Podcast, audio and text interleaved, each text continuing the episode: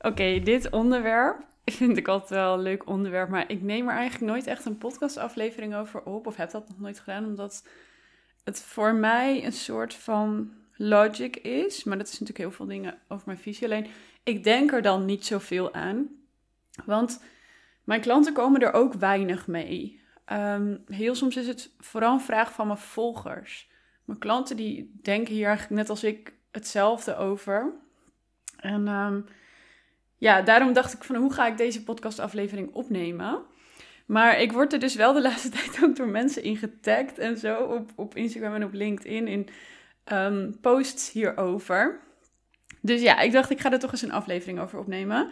Splitten op de dates. Nou, de eerste date, ja, ik weet niet waarom hier nog mensen zijn, moet ik eerlijk zeggen. Dat is echt heel ver bij mij vandaan. Waarom er mensen zijn die hierover twijfelen wie er op de eerste date betaalt als je in een man-vrouw situatie bent. Kijk, vrouw-vrouw, man-man, dan snap ik dat je er misschien een soort van puntje over hebt van, oh ja, wie is wie.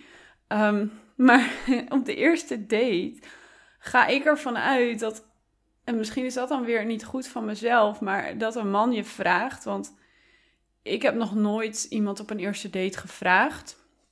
Maar als een man je heeft gevraagd op date, dan is het ook logisch, vind ik, dat hij betaalt. En de enige andere logica die ik kan vinden, is wat ik ook wel eens heb gedaan, is als je dan een eerste date hebt en het blijkt niet leuk te zijn, bijvoorbeeld. Hè? Je hebt het gevoel van, nou ja, weet je, ik heb niet echt een leuke date gehad, of ik weet dat ik je niet meer wil zien. En dan is dat meteen een mooi signaal van, hé, hey, dus ik betaal mijn eigen deel. En dan zien we elkaar niet meer. Maar ja, misschien zit het ook wel in de mannen die je date. Want ik heb het wel eens gehad, dus eh, dat, dat heb ik één keer meegemaakt. En ik denk dat je dat allemaal een keer moet meemaken. Dat een man uh, een tikkie stuurde achteraf. Dat vond ik ook heel raar. Dan heb ik liever dat je het op de date gewoon bespreekt. En ik heb het één keer gehad dat hij naar de uh, kassa ging om af te rekenen en alleen zijn deel had afgerekend. En dat voelde voor mij ook heel naar. Daar werd ik ook echt boos over. Dan denk ik, ja, dat is echt zo'n vieze actie. En denk ik, ja, als je het bespreekt, oké. Van, hè, wat doen we? En dat is respectvol. Want het was ook gewoon een normale date. Dus en daar stond ik echt een beetje van te kijken. Dus ik werd ook echt heel boos. Dat is denk ik de enige keer dat het ooit is gebeurd. Gewoon de manier waarop, daar werd ik boos over. Want hij keek me ook echt zo aan, nou, je kan toch wel je eigen deel betalen. Je, je verdient toch gewoon genoeg. Zo keek hij ook. Dat ik dacht, wow, waar heb ik deze vandaan gehaald? maar ja, heel eerlijk heb ik toch echt wel de visie dat als man... Maar dat is natuurlijk ook omdat ik heel erg in masculine feminine denk... Ehm, dat je als man uit hoffelijkheid gewoon de eerste date betaalt. En je hoeft echt niet heel duur of luxe uit te eten. Je kijkt zelf een beetje wat in jouw categorie past van wat je kunt als man. Maar ja, jij vraagt iemand mee je regelt de date, dan vind ik ook het normaal dat je uit hoffelijkheid gewoon betaalt. Dat ja, ook al zijn we misschien in 2024, ik denk dat de hoffelijkheid niet moet verdwijnen. En ja, ik heb ook mannelijke klanten en die zeggen zelfs allemaal, en daarom, uh, mede daarom ben ik dus zo ver van de eerste date splitten verwijderd. Omdat ik zelfs ben in zo'n kring waar mannen gewoon zeggen: ja, als ik met een vrouw ben, dan hoeft ze van mij niet te werken. Alleen als ze dat leuk vindt. Tuurlijk, ze mag gewoon werken. Ze moet lekker doen wat ze leuk vindt. Alleen van mij hoeft het niet. Want ik doe dat met liefde. Uh, ik provide met liefde voor het hele gezin. Want ik zie dat als mannelijke rol. Dat, is, dat zijn de kringen van mensen waar ik in zit. En dat is dus ook de visie waar ik in leef. En dat zijn ook de mannen die ik uh, sinds mijn laatste relatie alleen maar heb gedate. Allemaal mannen die zeiden van, ja, ik ben de provider en dat vind ik ook gewoon leuk om te doen. Er zijn alleen heel veel vrouwen die dat niet accepteren of die denken dat ik ze dan, um, hoe zeg je betutteld. Ik zit soms in de Engelse woorden te denken, dus moet ik even naar het Nederlands.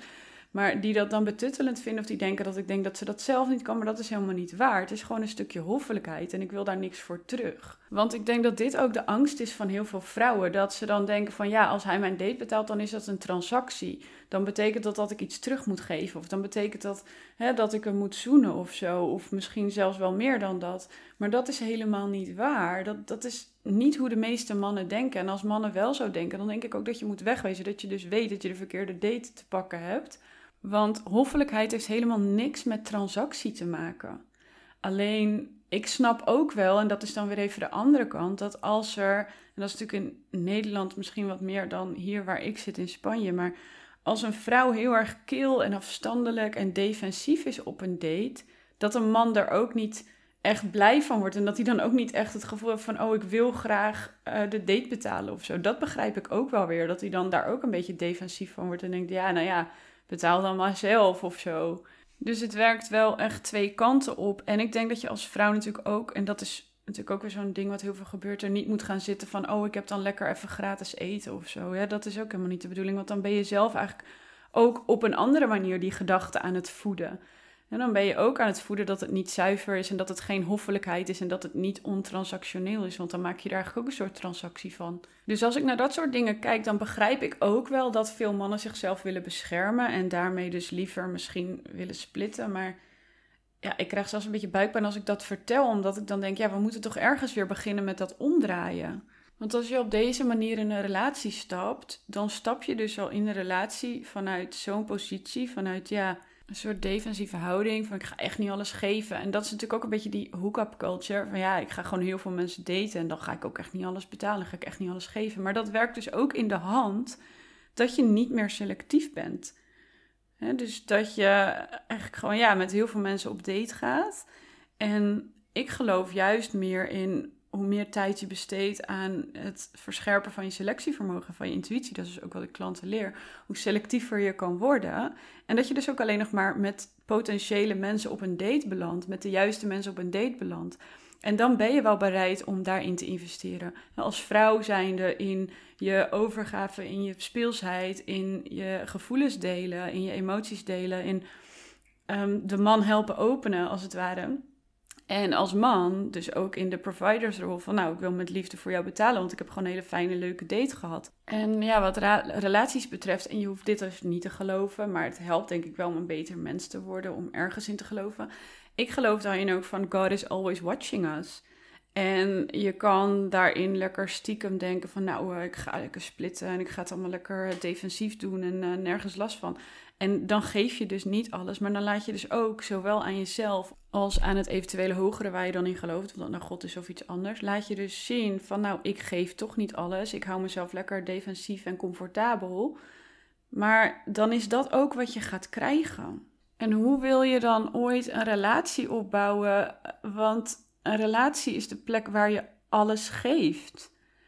Er is geen andere plek waar je zoveel van jezelf ja, moet geven, wil ik zeggen, is het natuurlijk niet. Maar wel, dat, dat vraagt het eigenlijk wel van je. Waar je zoveel geeft van jezelf, als in een liefdesrelatie, in een romantische relatie met iemand. Dus als je al heel defensief en uh, soort zelfbeschermend en ja, ik wilde cautious zeggen, maar dat is dan het Engelse woord weer. Ik weet even niet iets van behoedzaam of zo, zo heel erg uh, voorzichtig in ieder geval.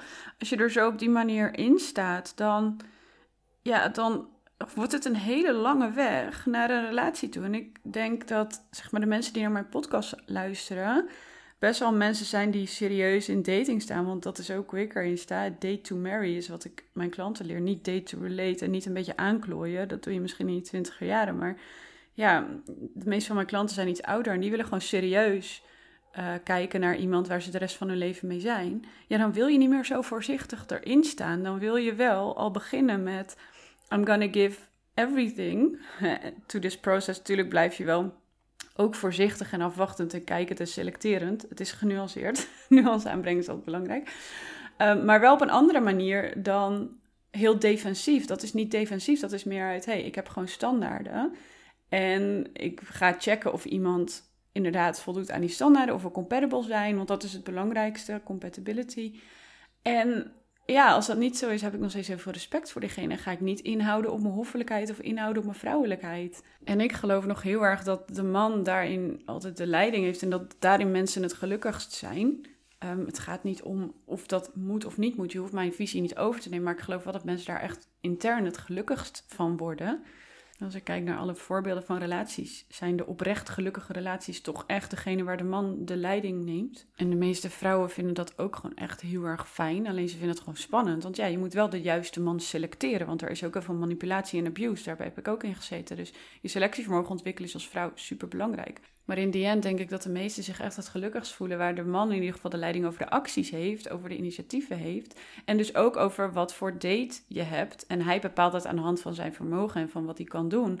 Als hij gewoon niet zoveel geld heeft, dan zegt hij, joh, we gaan lekker strandwandeling maken. Ik neem hapjes mee, weet ik veel wat. Maar hij neemt wel de lead. En ik geloof dat een vrouw zich daar geen zorgen over zou moeten maken. Hij neemt de lead en hij gaat dat allemaal regelen en hij gaat het doen. En een vrouw kan zich dan helemaal mooi maken en, en in de speelse zachte energie zijn en hem helpen openen, hem helpen ontspannen en lekker die joy in de dates brengen. Ik denk dat heel veel mensen ook helemaal geen joy meer in dates hebben, omdat het zo statisch is geworden, omdat allebei niet meer zo goed weten wie welke rol heeft. En dan valt die roleplay weg.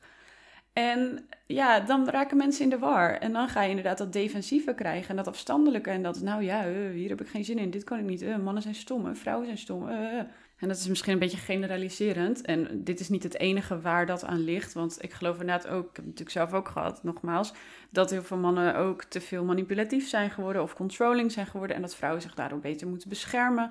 En daar help ik vrouwen dus ook mee om hun selectievermogen te verscherpen, zodat je die mannen er snel uitfiltert en dat je alleen nog maar bij de goede overblijft. Maar ja, deze podcastaflevering ging over splitten op de date. En ik denk dus even met deze uitleg er allemaal bij dat uh, splitten de hoffelijkheid eruit haalt en daarmee ook heel veel plezier en heel veel joy, maar ook het niet meer serieus nemen van daten. Uh, want als je, en dat haalt het er dus niet uit, maar het zorgt ervoor dat je daten niet meer zo serieus neemt. En ja, dan krijg je die hook-up culture, dat mensen dus gewoon intiem met elkaar zijn en daarna lopen te ghosten, wat ik dus in de vorige podcastaflevering ook heb gedeeld. En ik vind dat zo zonde en het is ook heel erg pijnlijk. En ik denk als je zelf meer gaat omarmen dat hoffelijkheid iets normaals is op een date, dat als jij als vrouw dus Ehm, met een man gaat daten, dat je ook hem de leiding laat nemen in de acties. En als je dan het gevoel hebt van, oh, maar dat gaat hij niet doen en zo, nou, dan is dat iets ten eerste om aan te werken. En ten tweede, nou, dan selecteer je dus mannen die dat wel doen. Dan denk ik dat heel veel van de pijn ook wegvalt. En dat je je een stuk meer op je gemak voelt en vrouwelijker voelt, speelser voelt. En bovendien kan je ook veel beter selecteren of een man goed voor je is of niet. Als je hoffelijkheid als iets normaals gaat zien. En ik vind bij hoffelijkheid ook echt horen dat een man gewoon de eerste date vraagt en regelt en betaalt. En daarin kan een man zelf bepalen wat binnen zijn vermogen ligt. Dus dat heeft niks te maken met, oh, golddiggers of wat dan ook. Die, die opmerking krijg je dan misschien wel eens. Maar een man bepaalt gewoon wat de date wordt. En ja, als het niks kost, is het ook prima, toch? Ik vind dat helemaal prima. Ik heb ook als een man gehad die nou, ik ga je lekker meenemen op een roadtripje. Zijn we lekker op roadtrip gegaan? Hebben we alleen eventjes een klein broodje gehaald en dat was it. En een koffietje, geloof ik. En af en toe misschien wat water of zo. Maar het was eh, volgens mij in het algemeen gezien niet per se een hele dure date of zo. Maar het was wel heel erg leuk. Ik herinner me nog steeds het een hele leuke date was. We gingen toen naar Scheveningen rijden. Het was echt super leuk. En ik had het met hem ook over die hoffelijkheid. En hij ging ook, want het, het zat er niet zo in bij hem. Want hij zei, ja, de meeste vrouwen vinden dat helemaal niet leuk. En op een gegeven moment ging hij dan helemaal mijn deuren open doen. Hij zei ook, ik vind het zo leuk dat jij dit zo leuk vindt. Dan ging hij mijn hand vastpakken en me uit de auto halen. En allemaal dat soort kleine dingetjes. En we hebben er echt van genoten. En we gingen zo op het strand lopen. En dan ging hij me zo een pirouetje laten draaien. En zo, ja, ik denk dat je het ook wel hoort aan hoe ik nu spreek. Je wordt daar levendiger van. En dan voel je je gewoon zo vrouwelijk, toch? Maar ik denk dat je als vrouw ook de man weer een beetje mag ja, aanmoedigen in die hoffelijkheid door te zeggen dat je er blij van wordt, wat het met je doet. En dat ook echt te laten zien. Want als jij laat zien dat je er heel blij van wordt en dat je er heel vrouwelijk in voelt, ja, een man voelt zich dan ook blij. Ik denk dat het echt twee kanten op werkt. Want heel veel vrouwen zitten echt zo van, ja, maar dat hoeft allemaal niet. En ik kan het allemaal zelf wel. En ik kan zelf mijn deur open doen. Ik kan zelf betalen. En ja, voor een man is dat denk ik ook helemaal niet leuk om dat te ervaren zo'n vrouw. Want wat, ja, wat kan hij dan nog man zijn voor je? Ik denk dat mannen er onwijs blij van worden, wat ik heb ervaren en wat ik ook terugkrijg. Dat je dat ze laat doen, dat je ze voor je laat zorgen, zonder dat ze daar... Ja, en dat is natuurlijk tweezijdig, want er zijn ook heel veel mannen die dan denken... oh ja, dat doe ik wel, maar dan wil ik er wat voor terug. Die zullen er ook heel veel zijn. En die moet je er dus echt uitselecteren met je intuïtie, want dat kan je herkennen aan heel veel dingen.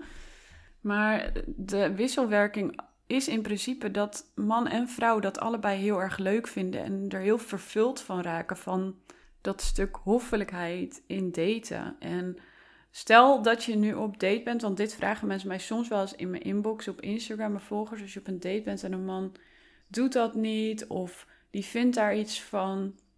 Hoe vertel je je dat dan dat jij dat eigenlijk wel wil? Want je wil natuurlijk ook, en dat is weer een nuance, niet vertellen hoe een man je moet leiden. Want dan ben jij alsnog aan het leiden. Het is dus een beetje dubbel. Maar ja, de makkelijkste is toch echt om te leren hoe je dat vanuit je gevoel uitspreekt. En ik denk dat deze podcastaflevering jij ook weer bij gaat helpen. Dat is ook een beetje wat ik doe voor mijn klanten. Dat ik heel veel taal probeer te vinden voor ze om dit soort dingen uit te leggen. Als je man niet die mindset heeft of als je vrouw niet die mindset heeft. Want er luisteren ook veel mannen naar mijn podcast. Maar echt, vrouw, ik denk als jij uh, beseft hoeveel uh, hypnotizing impact wij als vrouw hebben op een man, dan denk ik dat je hier niet eens weer druk over maakt. Dus alleen even de juiste taal vinden. En daarom is het ook zo belangrijk dat je het niet manipulatief gaat doen en niet controlerend gaat doen en niet defensief gaat doen. Want wij hebben echt een heel groot hypnotiserend effect op mannen. Ehm, en daarom denk ik dat mannen soms ook een beetje bang zijn geworden. Het snappen het dus ook allemaal wel. Maar als je echt vanuit de allerbeste intenties, vanuit win-win erin gaat, vanuit. En als je ook dus daten serieus neemt, denk ik dat het ook belangrijk is. Hè? Want wat ik zei, als je gewoon een beetje um, nonchalant met het daten omgaat, ja, dan is dit misschien ook anders. Maar als je daten echt serieus neemt, je zit er met de beste intenties, je hebt compassie voor die man, je hebt respect voor die man, dan um, helpt het om gewoon te zeggen dat je er enorm blij van wordt. Dat het je blij maakt als een man bijvoorbeeld je deur openmaakt. Dat het je blij maakt als een man je een beetje als een prinsesje behandelt. En als je het woord prinses niet wil gebruiken, dat een man meer voor je zorgt. Dat het je blij maakt als je ziet dat een man de leiding neemt. Dat je het fijn vindt als een man eten voor je bestelt. Ik vind dat tenminste heel fijn als een man het voor me doet. Dat ik zelf niet hoef na te denken daarover. Dat je het fijn vindt als een man je date regelt. Ik heb soms ook wel eens gehad dat bijvoorbeeld dat een man heel erg afwachtend is omdat hij een beetje bang was om het fout te doen. Hè? Dat hebben mannen gewoon heel vaak. Ze zijn bang om het fout te doen voor ons. Ehm, en ook aan het begin. En dan heb ik gewoon gezegd van, joh, ik vind het heel fijn als je me verrast op de date. Of als jij het bedenkt. Maar ik zeg ook als gewoon letterlijk, I surrender to your lead, sir. En dat vinden ze ook gewoon heel erg leuk. Ja, en ik ook. Um, daar is wel wat meer moed voor nodig om dat te zeggen, denk ik. En de nuance is natuurlijk belangrijk. Dat je niet... Ehm, ja, hoe zeg je dat, nog, alsnog controlling overkomt. Maar ja, in, binnen de context van je gesprek, dat is natuurlijk voor iedereen anders, is er altijd wel een weg om te zeggen: hey, ik vind het leuk als je me verrast. Of ja, gewoon heel simpel, ik ben benieuwd hoe het is als we elkaar gaan zien. En het is ook een mooie selectie. Als, je, als jij open bent als vrouw en je geeft heel veel ingangen en hij pakt ze niet, dan ja, ik ben dan op een gegeven moment ook zo dat ik dan gewoon weet dat het niet mijn man is. Want ik laat me graag op een goede manier leiden. Maar goed, al dat soort details en nuances, die heb ik dus heel veel met dating games zitten. Dus als je echt denkt van nou, ik vind het wel leuk om te horen en ik wil hier meer van, dan is met dating game een goede om mee te beginnen. Maar um, ja, splitten op de eerste date, even samenvattend. Ik vind het echt een no-go in man-vrouw situaties. Ik begrijp het alleen wel als je uh, bijvoorbeeld um, de date helemaal niet leuk vond en dat dan als vrouw zelf voorstelt als een soort uh, respectvolle afwijzing zonder dat je dat hoeft te zeggen. Want ik zie het echt als afwijzingen. Even nog één zijweggetje en dan ga ik stoppen. Maar als je bijvoorbeeld naar een ding als first dates kijkt, je ziet bijna altijd dat als ze gaan splitten, en zeker als een vrouw voorstelt om te splitten, dat die dan zegt, ja, ik voel het niet meer zo. En dit is dus ook waar ik me specialiseer, dat hele zinnetje, ik voel het niet meer zo. En dit is ook wel, denk ik, een van de dingen waar dat dan vandaan komt. Een vrouw die denkt van, ik fix het allemaal zelf wel, ik heb jij toch niet nodig. En een man die dan denkt, ja, ik ga mijn hart beschermen. Ik vind het ook niet leuk om bij zo'n defensieve vrouw te zitten, dus dan ga ik ook niet betalen, bijvoorbeeld. Dus alles is een wisselwerking. Um, maar als je het weer helemaal wilt voelen van begin af aan, dan denk ik toch wel dat dit ook een belangrijk onderdeel is. Dus ik hoop dat je iets aan deze podcastaflevering hebt gehad. En als je er nog over in gesprek wil, stuur me vooral even een DM via Instagram. iris.vervuldverliefd heet ik tegenwoordig. Of stuur me een mailtje info.irisuriel.com en dan weet ik ook wie jij bent. Ik zie je graag weer bij een volgende terug. Thanks voor het luisteren, liefhart.